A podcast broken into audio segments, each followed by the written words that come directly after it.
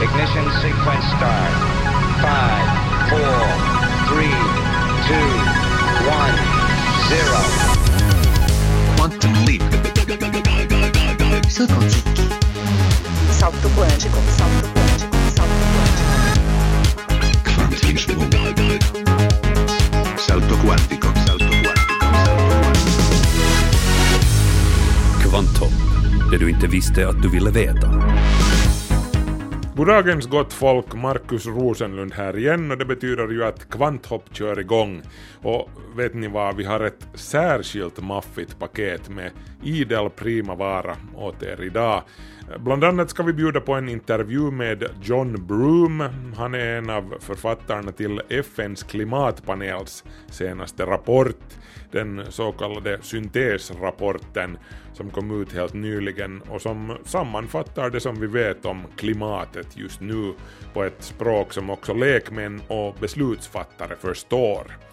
Broom, han är lite speciell i och med att han är professor i moralfilosofi vid Oxford-universitetet. Så vad har moralfilosofi att göra med den globala uppvärmningen? Allting, säger Broom. To me, it's obvious that climate change is a moral problem. It's a matter of some people who emit carbon dioxide causing harm to other people who suffer from the effects of carbon dioxide. Den globala uppvärmningen är i allra högsta grad ett moraliskt problem.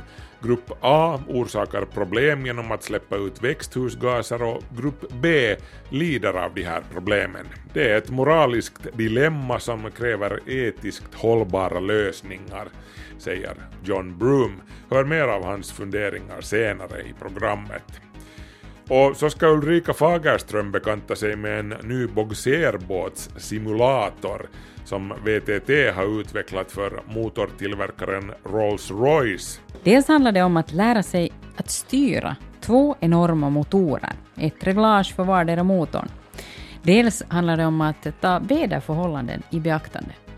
Här kan till exempel läggas in vågor som gör båten svårare att hantera och i finländska förhållanden is. Och sist men inte minst så ska vi bege oss till ett av Europas mest fascinerande vetenskapsmuseer, matematisch Physikalischer Salon i Dresden. Vetenskapsmuseet har en otrolig samling med unika don och apparater. Allt från olika mätinstrument, astrolabier, arabiska himmelsglober, stjärnkikare, astronomiska ur till egendomliga musikautomater. Och naturligtvis ska vi ju få en glimt från Rosetta-sondens rendezvous med kometen Churyumov-Gerasimenko som inträffade igår. Det här hör vi lite senare här i Kvanthopp.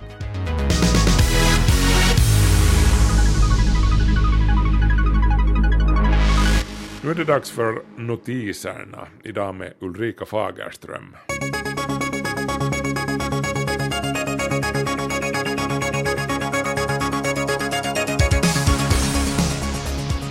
Dags för en dos notiser ur vetenskapssammanhangen. Det lönar sig att städa ur frysen med jämna mellanrum eftersom saker som ligger där tappar speciellt sina vitaminer efterhand. Men sen finns det förstås vissa frysar som är speciellt hållbara.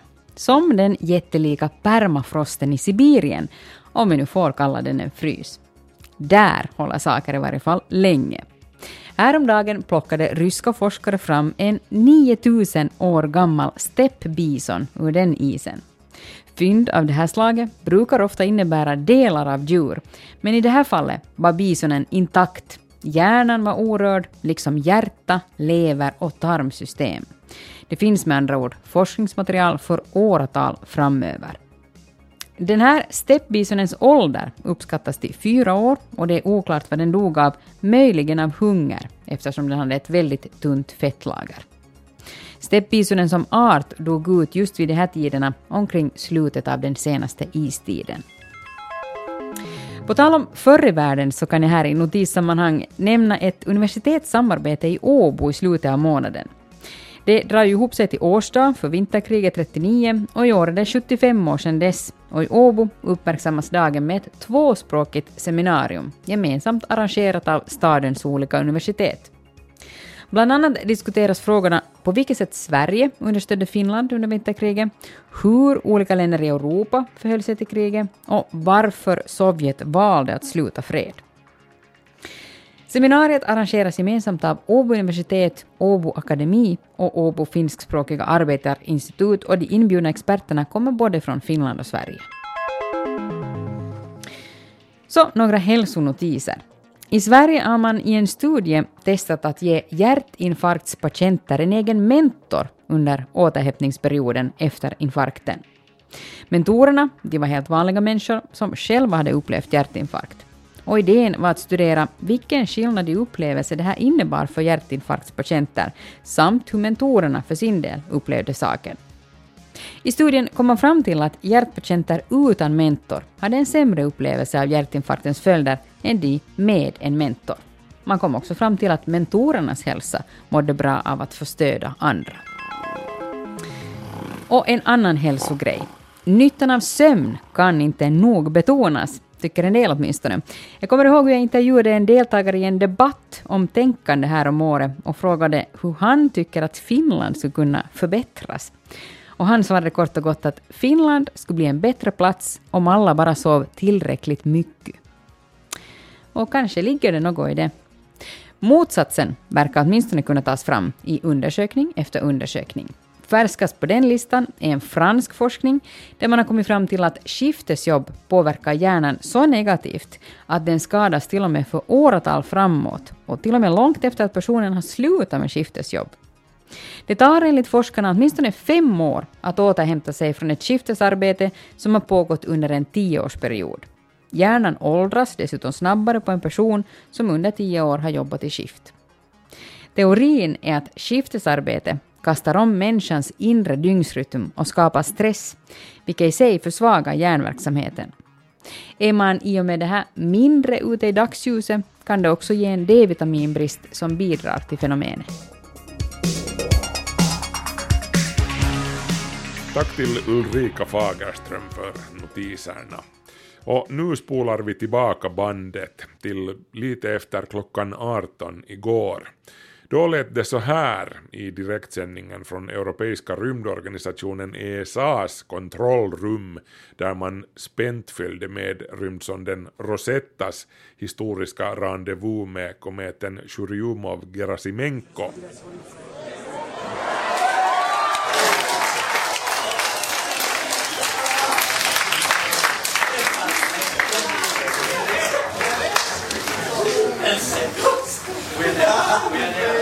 Okay, uh, uh, we are live, I guess. So we can't be happier than what we are now. we definitely confirmed that the lander is on the surface, and I leave it to Stefan. I think it's up to him to judge how it's going now on the lander.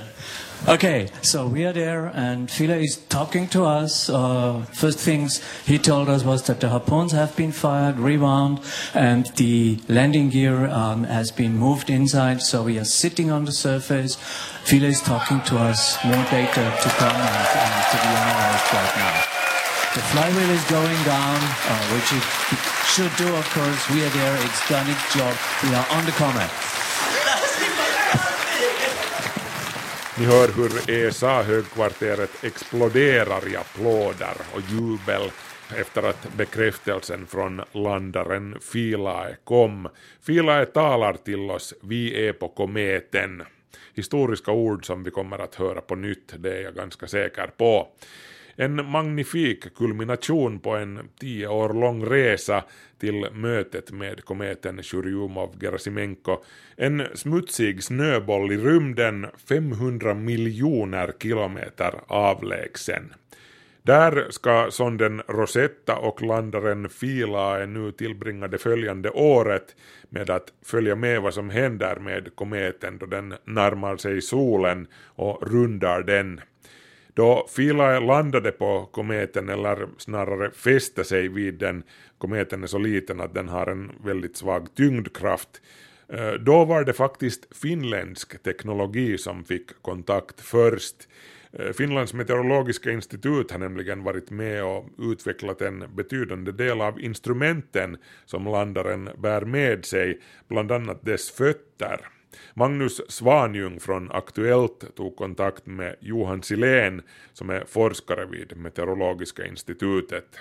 Och så här beskriver han det finländska bidraget till Rosetta. Den är förhållandevis stor i det här fallet faktiskt, att, det där, att vi har varit med i, i då ett, eh, eh, flera eh, så att säga, delar i den här själva landaren. Men sen har vi också varit med i, i då det här Cosima-instrumentet på, på den här eh, moderfarkosten och det där, den där moderfarkosten så den har då flera instrument. Eh, det finns eh, dels plasmainstrument ombord där och det finns sen olika instrument att mäta de här damm, kometdammets sammansättning och det finns gas så att säga sådana analysatorer, masspektrometrar som mäter gasens sammansättning, eller gasernas sammansättning där. Och den vägen så får vi, får vi helt enkelt mera information om, om hur de här urgamla kometkropparna är byggda. Och från finsk sida igen så, så har vi ju liksom specialiserat oss på att, att bygga av de här extremt små sensorer, eh, mätning av fuktighet och tryck till exempel. Så det är de två sakerna som vi är specialiserade på vid Meteorologiska institutet. Eh, uh, Rosetta-sonden har ju fått sitt namn efter den egyptiska Rosetta-stenen som i tiden lärde oss att tyda hieroglyfer. Va, vad hoppas du personligen att Rosetta-sonden nu ska lära oss att förstå? No, den här Rosetta-sonden så den är på det viset mycket eh, unik att den, den liksom ställer de här eh, stora frågorna så att säga. Vad har hänt då när det här solsystemet har, har liksom, äh, fötts i princip och, och planeterna har skapats? Varifrån har vattnet kommit till jorden? Varifrån har de organiska föreningarna kommit till jorden? I vilka mängder finns de? Och det där, är, är den här processen som vi har sett på jorden, är det någonting som är naturligt eller är det någonting som är eh, så att säga unikt? Och, och, och det där eh, är typ liv, är det nödvändigt, kommer det att finnas på praktiskt taget alla ställen där det, det skulle gå att, att, att få motsvarande förhållanden till stånd? Finns där liv? Och det är den här typen av stora, stora frågor som, som vi försöker bidra till att svara på. Så sa alltså Johan Silén, forskare vid Meteorologiska institutet. Vill ni läsa mer om Rosetta-sondens rendezvous med kometen Churyumov-Gerasimenko så finns det allsköns intressant stuff på svenska.yle.fi vetenskap och på Kvanthopps Facebook-sida. Och nu från den senaste rymdtekniken till instrument av äldre årgång. Matematisch-fysikalischer Salon i Dresden har renoverats fullständigt och i fjol öppnades det här unika vetenskapsmuseet på nytt efter många år. Stället är en skattkammare av fascinerande gamla instrument som hade antikvärde redan på Jules Vernes tid. Albert Ernroth begav sig dit och tog sig en titt. 18th century, but the collection goes back to the Kunstkammer of uh, the electors here in Saxony. And this is where we what we see now instruments mainly from the 16th century that came out of the Kunstkammer and then entered our Jag befinner mig på matematisk-fysikaliska salon i det imponerande palatskomplexet Zwinger i Dresdens centrum. Vetenskapsmuseet har en otrolig samling med unika don och apparater. Allt från olika mätinstrument, astrolabier, arabiska himmelsglober, stjärnkikare, astronomiska ur till egendomliga musikautomater. Många är finmekanismer, men det som alla dessa instrument har gemensamt är att de rent estetiskt också är vackra föremål, i somliga fall sanna konstverk. A Kunstkammer was a quite popular thing actually during the 16th century. Mm. Almost every elector or every duke, every royal uh, person had one. And you på 1500 och 1600-talet hade många furstar kuriosa samlingar och de saxiska kurfurstarna var inget undantag. De första furstarna var speciellt intresserade av tillämpad matematik, berättar doktor Sibylle Gluch som är en av det nyrenoverade museets intendenter. The special thing about the Saxon Sachsenkunstkammer is that the first electors were interested in mathematics and applied mathematics that is so you have all kind of measuring devices that were collected and of automata of course Under renässansen började man på allvar studera skrifter av antikens vetenskapsmän och många trycktes och spreds i hela Europa. Det fanns en nyuppvaknad nyfikenhet och en växande insikt att naturvetenskapliga rön kunde vara till nytta för militära och ekonomiska syften. The salon moved into this part of the building in 1748, and this was our first gallery. Every object was displayed. It was very crowded, you can imagine. It was open, not not every day. You had to apply in a way, and you uh, were given a tour. Then you couldn't just walk through it as you wanted. Matematisk-fysikalische salon flyttade 1728 till Zwinger i Dresden. Museet var i princip öppet för allmänheten, men för att besöka det på den tiden ganska trånga utrymmet måste man anhålla på förhand. Alla besökare fick en guidad rundtur. Idag är Sibylle Gluch min guide och det första föremålet hon vill visa är en brännspegel. This is a spectacular object, actually. It is a burning mirror from the late 17th century, finished about 1690 by Ehrenfried Walter von Tschirnhaus. He was a savant, a scientist, well contacted, and he experimented with all sorts of things, with burning mirrors, with Ehrenfried Walter von Tschirnhaus var en mångsidig tysk vetenskapsman som konstruerade en brännspegel som så när som på någon millimeter har en idealisk konkav sfärisk form. Solens strålar som faller in parallellt med axeln till den konkava spegeln återkastas alla till samma punkt och den punkten kallas för spegelns brännpunkt. The sun, the rays of the sun are collected in in a point, and you can, with with that, you can achieve great heat. Actually, more than a thousand degrees, or I think it's up to a thousand five hundred degrees of Celsius. So during Den intensiva hettan, burned alstrad av solljuset i spegelns brännplan, kan uppnå en temperatur som kan närma sig 1500 grader. Och det innebär att man kan smälta silverföremål och asbest, som förutom att vara cancerframkallande även är ett otroligt eldfast mineral. Spegelytan består av ett 2 mm tunt lager av koppar och ramen är konstruerad av trä och upphängd i ett stativ. Spegeln måste vara mycket rörlig så att den hela tiden kan justeras eftersom effektiviteten beror på solinstrålningen. It is difficult to do though because the sun is moving faster than you think actually, and it is difficult to adjust the mirror all the time.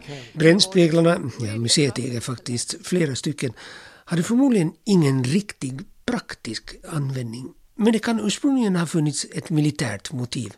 Det påstås nämligen att den grekiske matematikern och uppfinnaren Arkimedes under det andra puniska kriget, när den romerska flottan belägrade Syrakusa i Sicilien, lyckades sätta eld på fiendens skepp. Det gjorde han med hjälp av en matris av speglar placerade så att solljuset fokuserades på fartygen. Men i tv-serien Mythbusters har man ett antal gånger bevisat att denna metod inte fungerar. Men möjligtvis lyckades syrakuserna blända sina romerska fiender. Nu ska vi ta en titt på en raritet, Blaise Pascals räknemaskin. Det enda exemplaret som finns i ett museum utanför Frankrike. The only one uh, outside France in a public collection, and it is the largest one of uh, Pascal's machines. Musée des Arts et Métiers i Paris äger ett antal av dessa så kallade Pascalins, det är namnet som Blaise själv gav sin uppfinning. Men i Dresden finns det största exemplaret av Pascalinen som är världens första mekaniska räknemaskin. Matematiska fysikalische salon har skapat en interaktiv station så att besökare med hjälp av den virtuella tekniken har en möjlighet att själv addera tal på Pascalinen. The story goes that Pascal, as a very young boy actually, wanted to help his father, who was a tax collector, with all these sums he had to handle and with all these um, Det påstås att Pascal som tonåring beslöt att hjälpa sin far som var skatteindrivare. Blaise ville konstruera en räknemaskin som kunde påskynda arbetet. Bara några år senare, 1642, kunde han presentera sin uppfinning. Han tillägnade sin maskin drottning Kristina och skickade till och med en till Stockholm. Och här finns det nu, kan man undra.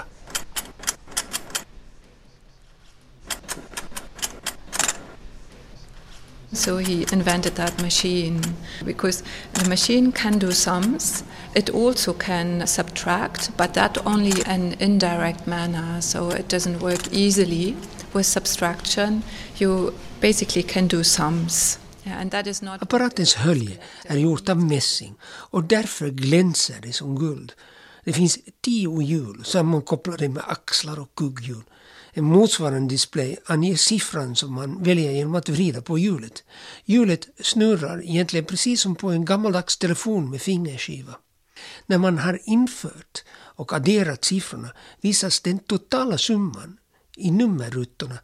Men subtraktion kan man endast göra på ett indirekt sätt, i huvudet alltså. And the most difficult thing, of course, is if you have a number like 9 and you add 1, then you have the 10. And that moving on to the next display, that is the difficult thing to achieve. And that was done by levers. Finmekaniska problem uppstår typiskt nog när displayen ska gå från 9 till 0, alltså till tvåsiffriga tal, och nästa hjul ska gå ett steg framåt. Hävstångsmekanismen som ska sköta denna uppgift fungerade inte alltid. Mekanismen var alltså lite för komplicerad och dessutom var maskinen dyr att tillverka.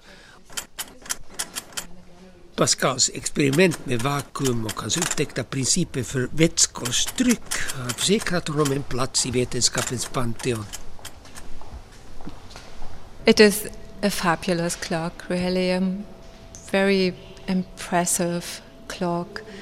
Again, from the 16th century. It is a planetary clock, so it gives you the movements of all the known planets then, which included Sun and Moon. They were regarded as planets in the 16th century. And all the stars, you can see. you Till slut visar Sibyl. Gluch ett astronomiskt ur som beställdes 1563 av August av Sachsen. Urverket åskådliggör himlakropparnas rörelse och eftersom det här fortfarande rör sig om den ptolemaiska världsbilden innebär det att solen, månen och alla planeter roterar i cirklar runt jorden. The Elector August again wanted it because he had a cousin in uh, Hessen, the Landgrave Wilhelm of Kassel, who was an astronomer.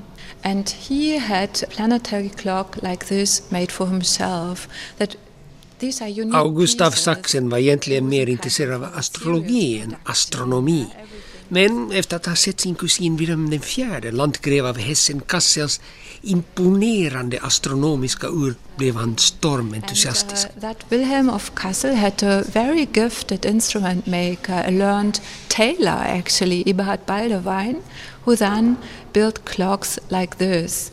And August here from Saxony, who was uh, more interested in astrology rather than astronomy, but he um, Wilhelm some Kassel, som var ovanligt fascinerad av astronomi, anlitade en före detta skräddare, Eberhard Baldewin, för tillverkningen av ett antal invecklade mekaniska instrument.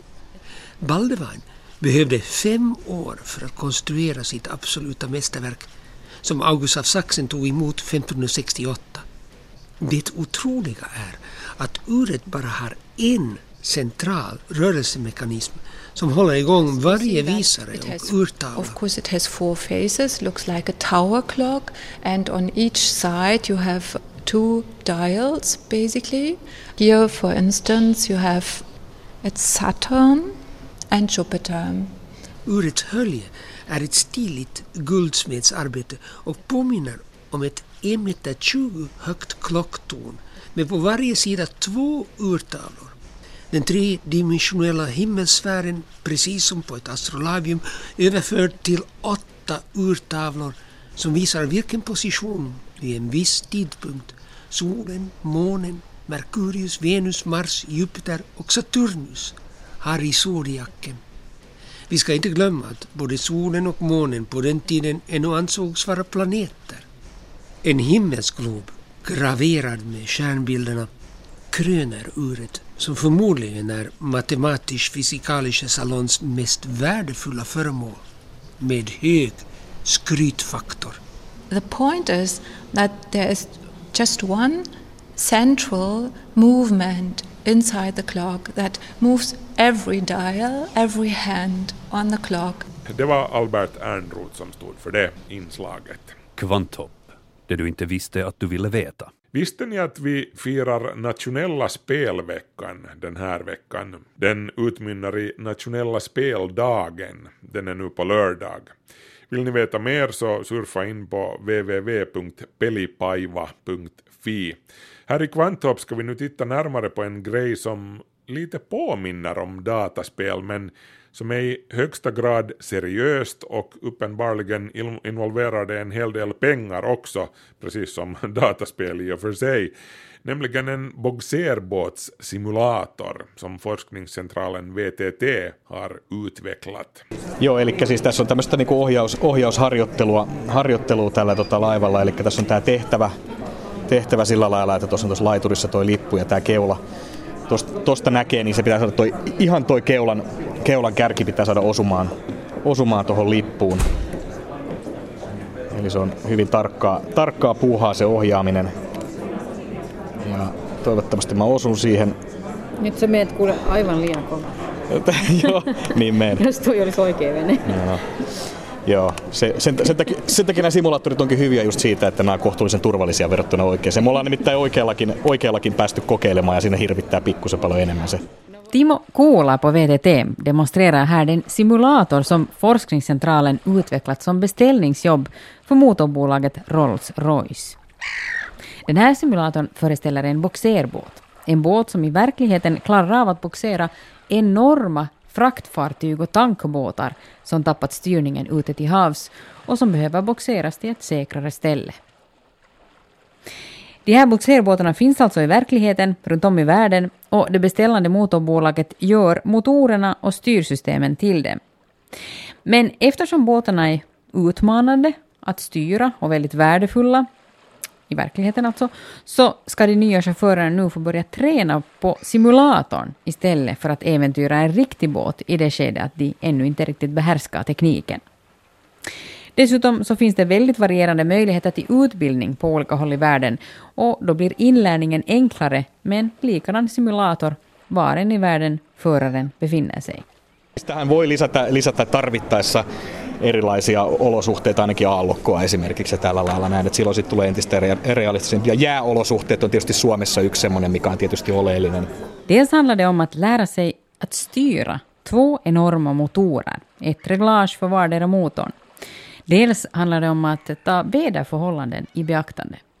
Här kan till exempel läggas in vågor som gör båten svårare att hantera. Och i finländska förhållanden is. Tämä on siis äh, hin, saattohina ja atsimuuttihinaaja. Eli tässä on, niin se tarkoittaa sitä, että siinä on ne kaksi, kaksi moottoria, jotka pyörii 360 astetta. Molemmissa moottorissa on 3500 hevosvoimaa, eli nämä on, nämä on todella tehokkaita ja ketteriä, ketteriä aluksia. De är smidiga och starka samtidigt. Motorerna rör sig vardera varvet runt, det vill säga 360 grader. De är försedda med 3500 hästkrafter vardera och uppnår visserligen bara en hastighet på 15 knop, men har istället en så stor styrka att de klarar av att dra jättetankers efter sig. Nämähän on usein hälytysvalmiudessa nämä, nämä tota, hinaajat sillä lailla, että tota, jos tulee joku hätä, että, että esimerkiksi tankkeri menettää ohjauskykynsä, mm. niin tämmöinen hinaja saatetaan hälyttää siinä vaiheessa niin kuin hätiin, jolloin se hinaja tulee niin kuin ikään kuin ohjaamaan sitä tankkeria. Ett fraktfartyg i nöd som plötsligt till exempel fått problem med styrningen kan få hjälp av den här typen av boxerbåt. Bland annat i Borgotrakten finns de här båtarna att tillgå. Porvoon lähettyvillä on, on ainakin tota neste, nesteellä, niin. nesteellä on näitä. Tota, ja... Ai niillä omia? Joo. Vid Nestes oljeraffinaderi i Borgo finns av de här båtarna. Niin, tota, näillä kahdella liikutellaan niitä moottoreita. Ja sitten näistä annetaan kaasua molemmille moottoreille. Ja min, min, minne mä oon menossa? Tuolla on se lippu. Aha, niin se, ai, keula, joo, niin se, niin se tehtävä on se, että sun, matka. joo, sun keula pitäisi saada osumaan siihen lippu, lipun kohdalla olevaan. onko, onko parempi, että mä teen- Men för en nybörjare som jag, som aldrig har hanterat två motorer samtidigt i verkligheten, så är simulatorn nog ganska svår. Käytännössä tämä näyttää, että mihin suuntaan on potkuri, toi näyttää taas toi nuoli mihin suuntaan, ja taas kuvaa taas sitten potkurivirtaa, eli potkuri työntää tänne päin, jolloin vene menee Aha. eteenpäin.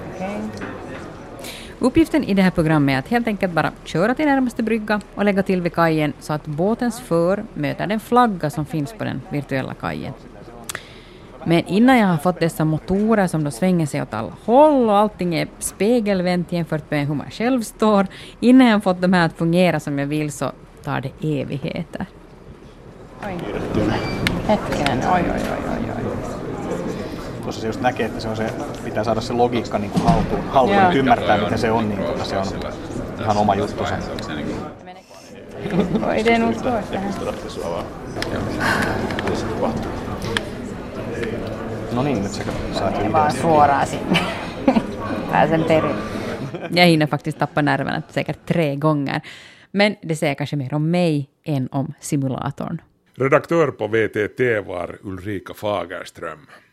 Om en liten stund ska vi träffa den brittiske Oxford-professorn och moralfilosofen John Broom. Han är en av författarna bakom FNs klimatpanel IPCCs senaste syntesrapport, alltså ett häfte som förklarar och sammanfattar den stora och mer utförliga klimatrapporten på ett språk som också lekmän och beslutsfattare kan förstå. Kvanthopp snabela yle.fi. Jag är ingen vetenskapsman. Jag är en journalist som har specialiserat mig på vetenskap. Och jag har blivit helt sådär hyfsat bra på att hänga med i svängarna när vetenskapsmän snackar sinsemellan. Filosofer däremot är en helt annan femma. Häromdagen följde jag med en diskussion på Helsingfors universitet. Det var filosofer som diskuterade på sitt väldigt högtravande vis på engelska och ämnet för diskussionen var den globala uppvärmningen. Vilken är vår etiska och moraliska skyldighet att åtgärda koldioxidutsläppen etc. Och en av deltagarna var ingen mindre än britten John Broom, professor i moralfilosofi vid Oxford-universitetet. Han har också ett förflutet som nationalekonom.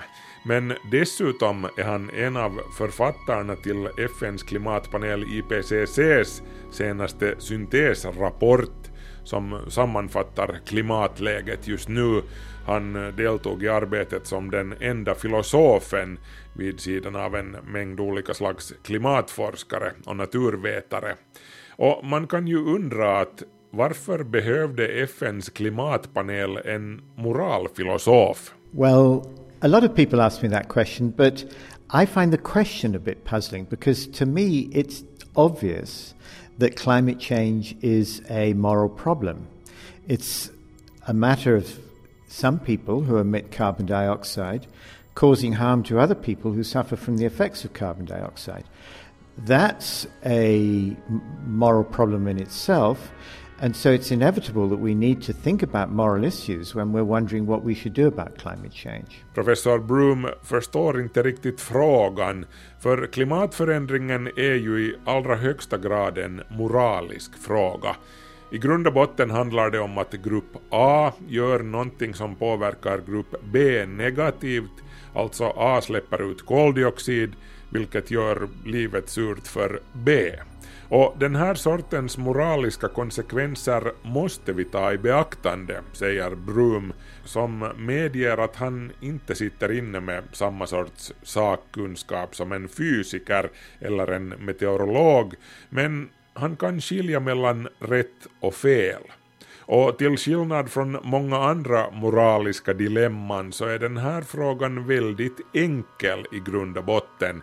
Koldioxidutsläpp är fel och vi måste sluta upp med att släppa ut koldioxid. This is one of the conclusions that's come out of the latest IPCC report that by the end of the century, the, we really need to be emitting no carbon dioxide at all. And that means that all the processes that depend on fossil fuel, for instance, and all of the changes in land use that involve cutting down trees, those are going to have to stop by the end of this century. Det är inget snack om saken. På den här punkten är IPCCs rapport sällsynt klar. Innan seklet är till ända måste vi sluta släppa ut koldioxid helt och hållet.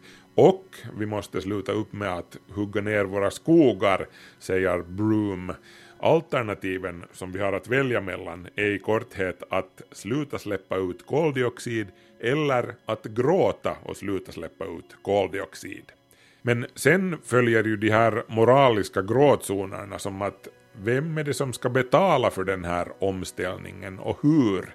Här går åsikterna isär, men professor Broom är personligen en anhängare av koldioxidbeskattning. Pumpar du ut koldioxid så ska du betala för det. The people who can uh, stop using carbon most easily should stop using carbon first, and those will be the people who are able to give it up in response to whatever price they have to pay. The people who find it very hard to give up using carbon will have to pay the carbon price and they'll be willing to do it just because it's hard to give up. So I think on grounds of efficiency it's a good idea to have a carbon price. En kännbar koldioxidskatt är både moraliskt hållbar och effektiv, tror Broom. De som har lättast att sluta upp med sina utsläpp, de gör det om de på det viset kan undvika skatten. De som har svårare att undvika koldioxidutsläpp betalar om de verkligen måste släppa ut koldioxid.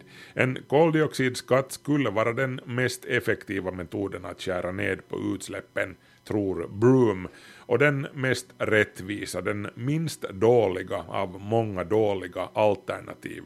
Nå, kanske det, men samtidigt är det en sak som får oss människor att bli oanat kreativa så är det att springa undan skattebjörnen. Koldioxidskatter och andra mjuka ekonomiska påtryckningsmedel funkar bara om de omfattas av alla och hur sannolikt är det att det ska ske på riktigt. De kräver också rejält med tid och får man tro de mera pessimistiskt lagda klimatvetarna så är tid just det som vi inte har för tillfället. Det brinner i knutarna redan nu. Den globala uppvärmningen struntar också i våra moraliska och etiska funderingar. Den kommer att drabba oss alla oavsett om vi tycker att det är rättvist eller inte. Broom anser ändå att vi har en skyldighet att ta de moraliska aspekterna i beaktande nu medan tid och möjlighet ännu finns att undvika worst case-scenarierna. Um, now, it's our ethical responsibility to try and prevent that from happening. So, this is a, a, a very important domain for ethics. We must try and prevent these bad poss- possibilities from coming about, and that's an ethical uh, endeavor. Um, maybe if things get really bad and there are a lot of wars, then at that point ethics will not have much practical effect. But we do need to recognize this is our moral responsibility to try and control climate change to prevent these very bad outcomes. Det kan mycket väl hända att det kommer en tid då kampen om överlevnaden, kampen om vattnet och födan blir vår främsta och enda prioritet. Men just för att vi i framtiden inte ska behöva kriga om de allt knappare resurserna så är det vår plikt att fatta etiskt hållbara beslut nu medan vi ännu kan, säger Broom. Dessutom så är det här ju ingenting som bara händer i den avlägsna framtiden. Effekterna av uppvärmningen påverkar miljontals människors liv redan nu. And perhaps I, I should also say that there are bad outcomes for a lot of people already. People are already suffering from the effects of climate change.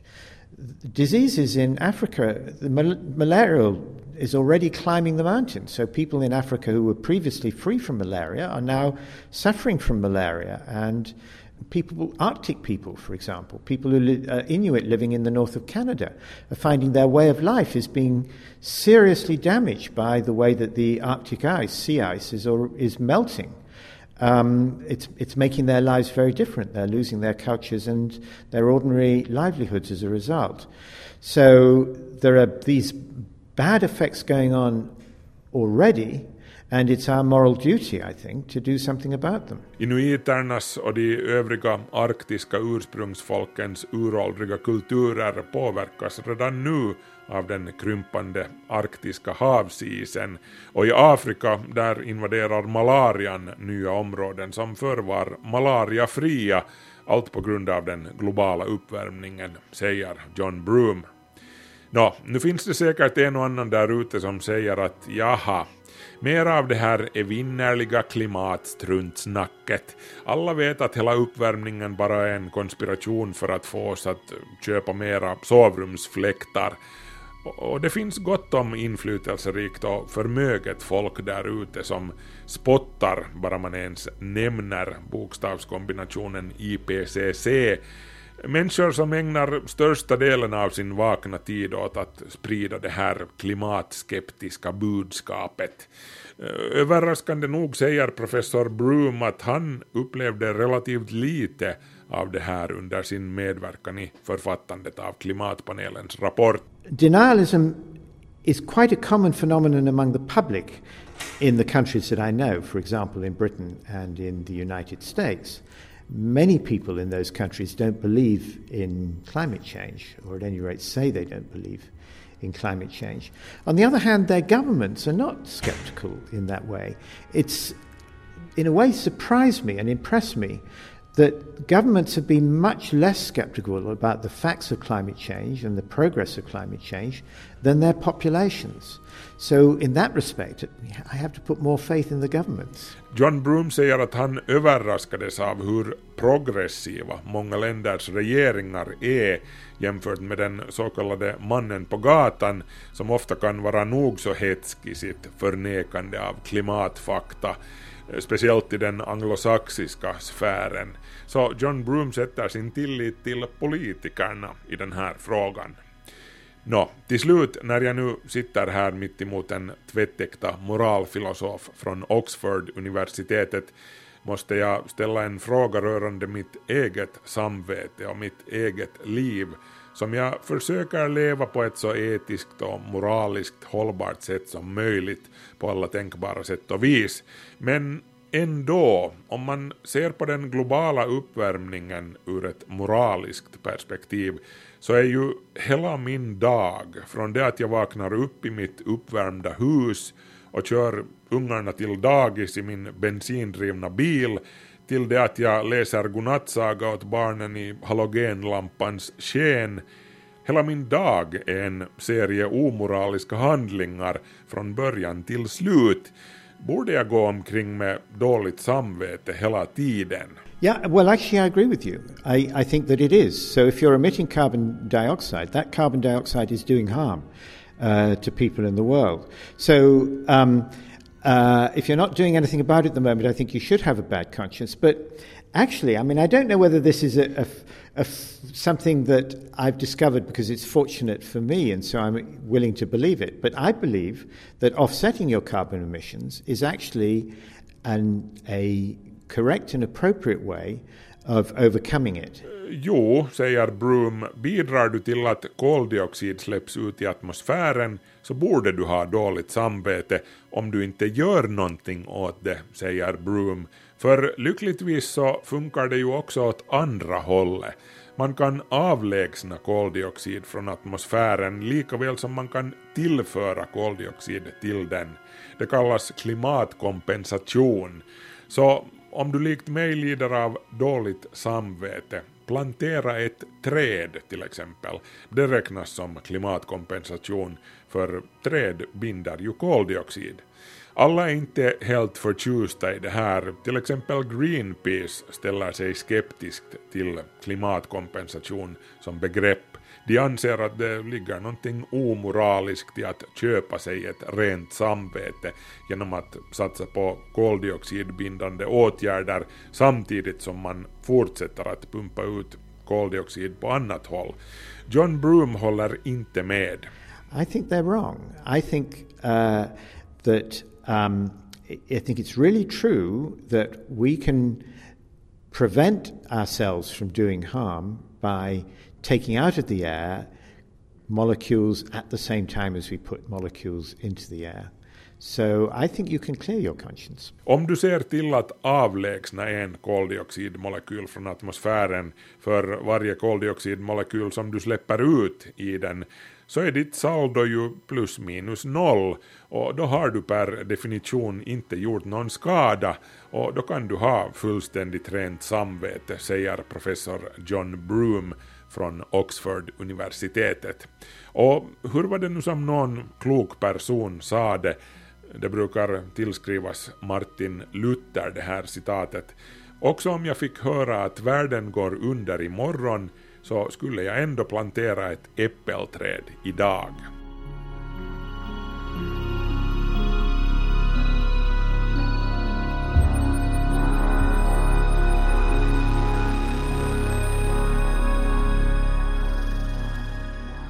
Kvanthopp börjar närma sig slutrakan för den här veckan men vi hinner ännu med vår serie om det periodiska systemet, universums innehållsförteckning.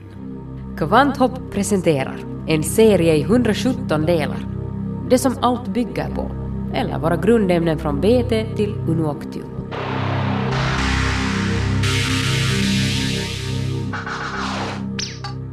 Atomnummer 76, osmium, kemiskt tecken OS, hör till ädelmetallerna och de så kallade platinametallerna. Men snacka om heavy metal, alltså. Osmium är metallen med den högsta densiteten av alla stabila grundämnen, den tyngsta metallen med andra ord. En liter rent osmium väger 22,6 kilogram vid 20 grader Celsius. Det här är aningen mer än tvåan på listan, iridium, men dubbelt mer än bly. Fast grattis, om du tror att du ska lyckas komma över 22 kilo osmium, det här motsvarar ungefär en tredjedel av den amerikanska årliga produktionen. Globalt produceras årligen mellan 100 kilo och ett ton osmium, det mesta av det här som en biprodukt från iridiumutvinning. Osmium uppträder ofta just i förening med iridium i naturen.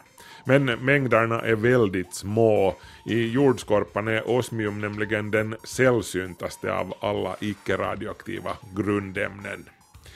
Osmium är en mycket hård, silvervit eller blåskiftande metall som eh, trots sin hårdhet är relativt skör. Därför är den inte smidbar som metaller i allmänhet, vilket gör att de praktiska tillämpningarna är aningen begränsade. Eh, osmium är helt enkelt väldigt svårt att bearbeta. Syror biter inte heller på osmium, inte ens kungsvatten har någon inverkan på det. Numera används osmium huvudsakligen i legering med andra metaller, till exempel iridium, då man vill åstadkomma särskilt slitstarka och värmetåliga metaller. Platina-osmiumlegering används i pacemakers och konstgjorda hjärtklaffar. I slutet av 1800-talet använde man osmium i glödlampornas glödtrådar. Osmiumet fick hur som helst ge vika från glödtrådarna eftersom lamporna brann ut rätt fort, så osmium ersattes först med tantal och senare med wolfram. Fast eh, osmium spökar fortfarande i den tyska lamptillverkaren Osrams namn. Det kommer från osmium och wolfram. Bland andra tillämpningar för osmium kan nämnas skivspelarnas nålar som ännu i mitten av 1900-talet bestod av osmium tills man övergick till att använda diamantnålar som visserligen är dyrare men mycket mer slitstarka. I början användes osmiumtetroxid också av brottsutredare för att ta fram fingeravtryck. Osmiumtetroxiden reagerar med hudfettet i fingeravtrycket och bildar svart osmiumdioxid. Osmium har fått sitt namn från grekiskans ord för illaluktande eftersom det luktar väldigt illa då det reagerar med luftens syre. Då bildas just osmiumtetroxid som är både illaluktande och giftigt. Så lite som 0,1 mikrogram osmiumtetroxid per kubikmeter rumsluft räcker till för att irritera ögonen, huden och lungorna. Annars är osmium inte giftigt som sådant.